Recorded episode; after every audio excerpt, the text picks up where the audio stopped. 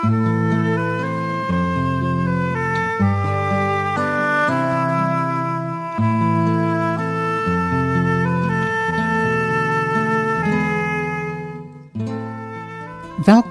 Kortom.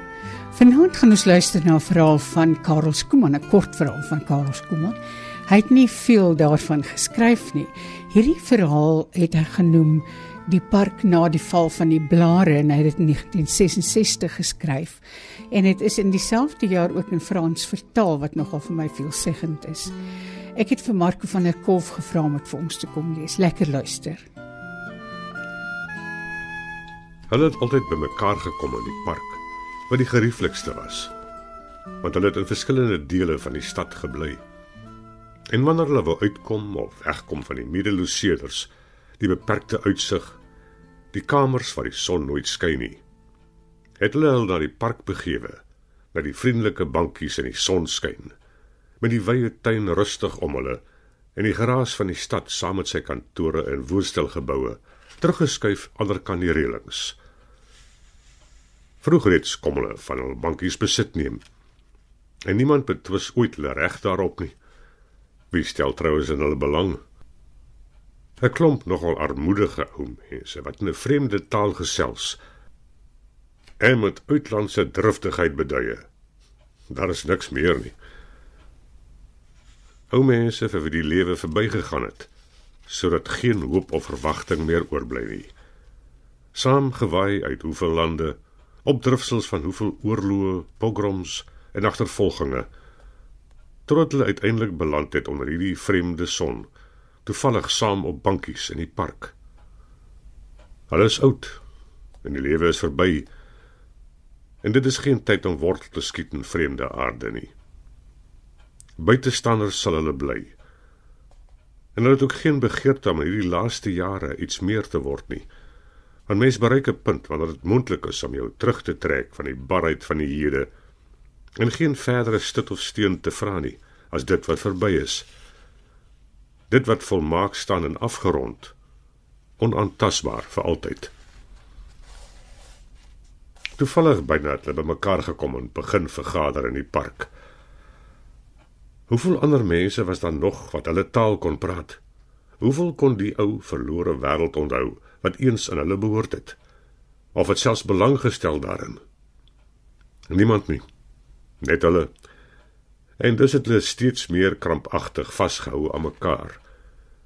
Die mense wat nog kon verstaan en begryp wat daagliks die versekering bied dat hulle nie alleen is nie. Van almal wat daar op die bankies byeenkom, is meneer Treisman die mees teruggetrokke.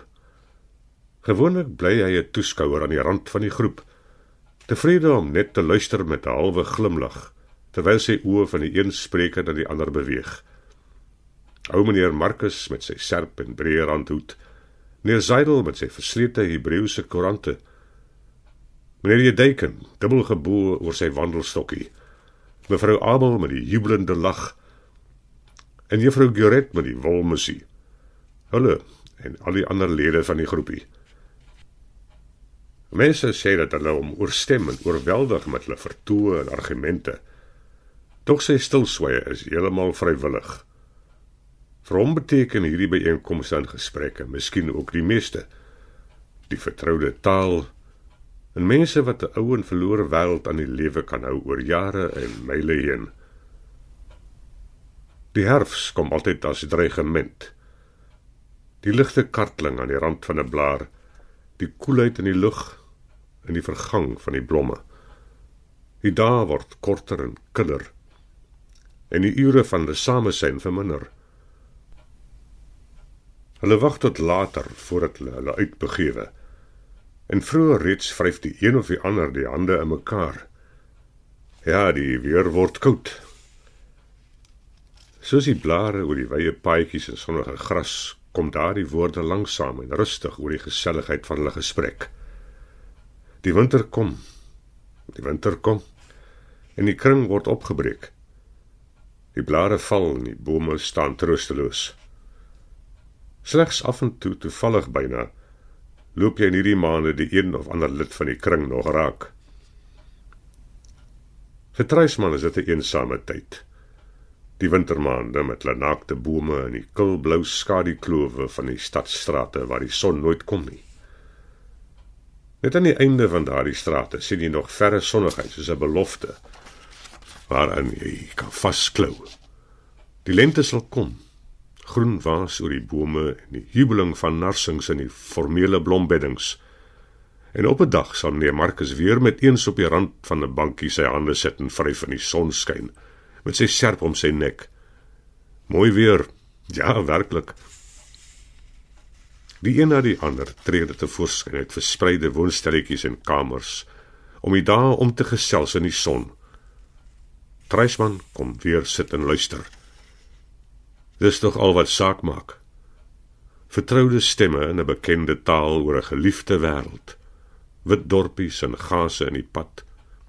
Feesmaaltye en begrafnisse. Ou verhale en gesegdes wat hulle as kinders gehoor het.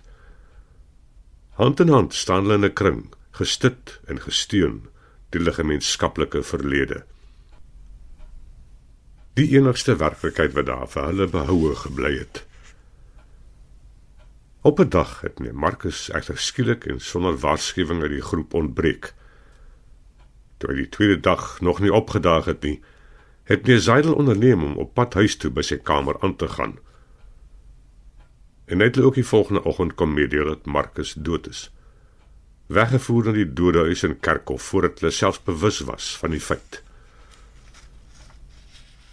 Treisman het 'n kilheid gevoel in sy hart, soos die kilheid wat nie somer iets dui op die herfs en die winter wat gaan kom. Een minder het hy gedink, en gewonder waar met hom so skok is. Hulle is immers almal bejaarde mense. Van die mans het een aand saamgekom om die Kaddish gebed op te sê ter gedagtenis van die oorledene. En toe het hulle almal 'n bietjie breër opgeskuif langs die bankies in die park. Doch dat dit 'n blaar verkleur. Lig gekartel met goud langs die rand. En die kanteling van die aarde vanaf die son kan nie gekeer word nie. Die volgende lente toe hulle weer byeenkom om die fontein. Is dit mevrou Abel wat ontbreek? En juffrou Goret kom met driftige gebare vertel hoe sy 3 weke lank in die bed gelê het met en soos 'n kind geroep het om haar moeder voor haar dood. Die winter is maar 'n moeilike tyd as jy begin oud word, besluit hulle. Soos 'n vyand wag dit in Treisman soos 'n vaal wolf op die sneeuvelde van sy jeug wat skuil in die skadu van die dennebome om te spring. Die lente hou vir hom nie meer dieselfde blymoedige vooruitsig van hereniging in nie. Blare en bloeisels, warmer sonskyn en singende voëls is van verbygaande aard. En die aarde kantel in sy draaiing in 'n dieper skaduwee in. In 'n kouer en donkerder gety waaruit daar geen terugkeer is nie. Elke lente moet jy versigtig aan die groepie natel wat in die park vergader. En telkens weer ontbreek hierdie gesig of daardie een. Wanneer jy duikenis in 'n ouer huis opgeneem, vertel iemand. Hy is ook al by die 90. Meneer Wienik lê lank in die hospitaal. Zeidel gaan hom gereeld besoek met lemoene en 'n kardusie voordat hy sterwe. Van blaar na blaar langsaam en in 'n groot stilte en suiwerheid verkleur die bome en die wind waai skerper langs die paadjies. Juffrou Curet is krom geboue van ouderdom in reumatiek Ja, my mens word oud knik hulle saam in die sonskyn Hoeveel jaar gelede reeds dat Markus dood is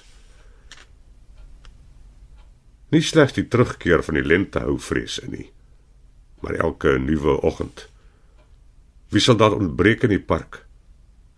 Eendag bly Treisman lank sit op die bankie voordat Zeidel aangeskryf kom deur die drywende sproeiwater van die fontein. Nou is dit net hulle twee. Hulle praat weinig met mekaar. Want dit is genoeg om net die versekering van mekaar se aanwesigheid te hê. Hulle is trouens ook so oud dat woorde al minder nodig geword het. Seidel vou die verfomfaaide blaaie van sy Hebreëse koerant oor en weer. En Treisman kyk na die son, Die gras, moeders met kinderwaandjies. Een oggend bly hy lank daar wag. Maar daar kom niemand nie. En die aand stap hy alleen huis toe. Miskien is Zydel ongesteld dink hy en bly wag met groot geduld. Die volgende dag en daar die volgende weke. Maar geleidelik vergeet hy om te wag en bly maar net daar sit alleen in die sonskyn.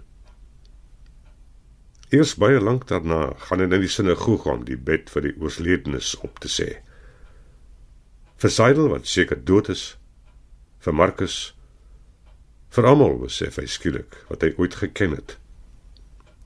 Vir ouers, familielede en skoolmakkers, vriende en kennisse. Want van hulle het net hy oorgebly. Hy is alleen agtergelaat in die suiwer en helder lig van die winter. Hoë hemel en naakte takke uitgestrek in die lug. Alleen op die bankie in die park. 'n Ou man wat dommel in die son skyn. Alleen raak hy saans in die slaap. En alleen word hy wakker. Eers is dit moeilik om te wen aan die algehele stilte waarin hy nou leef. Niemand meer met wie hy die moedertaal kan praat of van wie se lippe hy dit kan hoor nie. Niemand wat meer onthou nie behalwe hy. Geleidelik is dit egter of die vereensaming kristalliseer in glansende pragt om hierdie besef heen met skitterende uitskeels en ryp patrone. Net hy onthou. En net in hom leef die geliefde ou wêreld nog. Wanneer hy doodgaan sal dit alles finaal verby wees en verlore sonder bestaan plek meer op aarde die wete gee aan die dae 'n nuwe sin hy is baie oud en nogal armoedig hy tel stukkies tou op op straat en versamel ou koerante uit snippermandjies hy mompel by homself in 'n vreemde taal en praat met niemand nie in die park of die kille gange van die Lucieshuis waar hy woon. Kyk mense hom aan in die verbygaan, maar hy merk dit nie. Bewus van sy eie waardigheid en verantwoordelikheid, gaan hy deur die dae. Hy dra iets waardevol, hy alleen in sy gang deur die donker. Alles wat kosbaar en bemind in sy arms geskut is. Dit is hy wat dit moet bewaar teen vernietiging.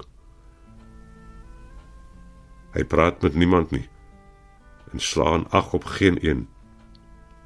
Hy is kuns, sê die mense. 'n Arme, armoedige ou man. Hy het geen familie nie of vriende. Hy kom van oorsee, heeltemal alleen hier oorgelaat. Wanneer hy doodgaan, word hy ook deur die munisipaliteit begrawe. En daar is niemand om hom in die Kadish gebed te herdenk nie. Dit was die park na die val van die blare van Karel Skooman en Marco van der Kolf het dit vir ons gelees. Van my Margolite alles van die aller aller allerbeste. Tot volgende keer. Mag ons mildelik reën ontvang. Totsiens. thank you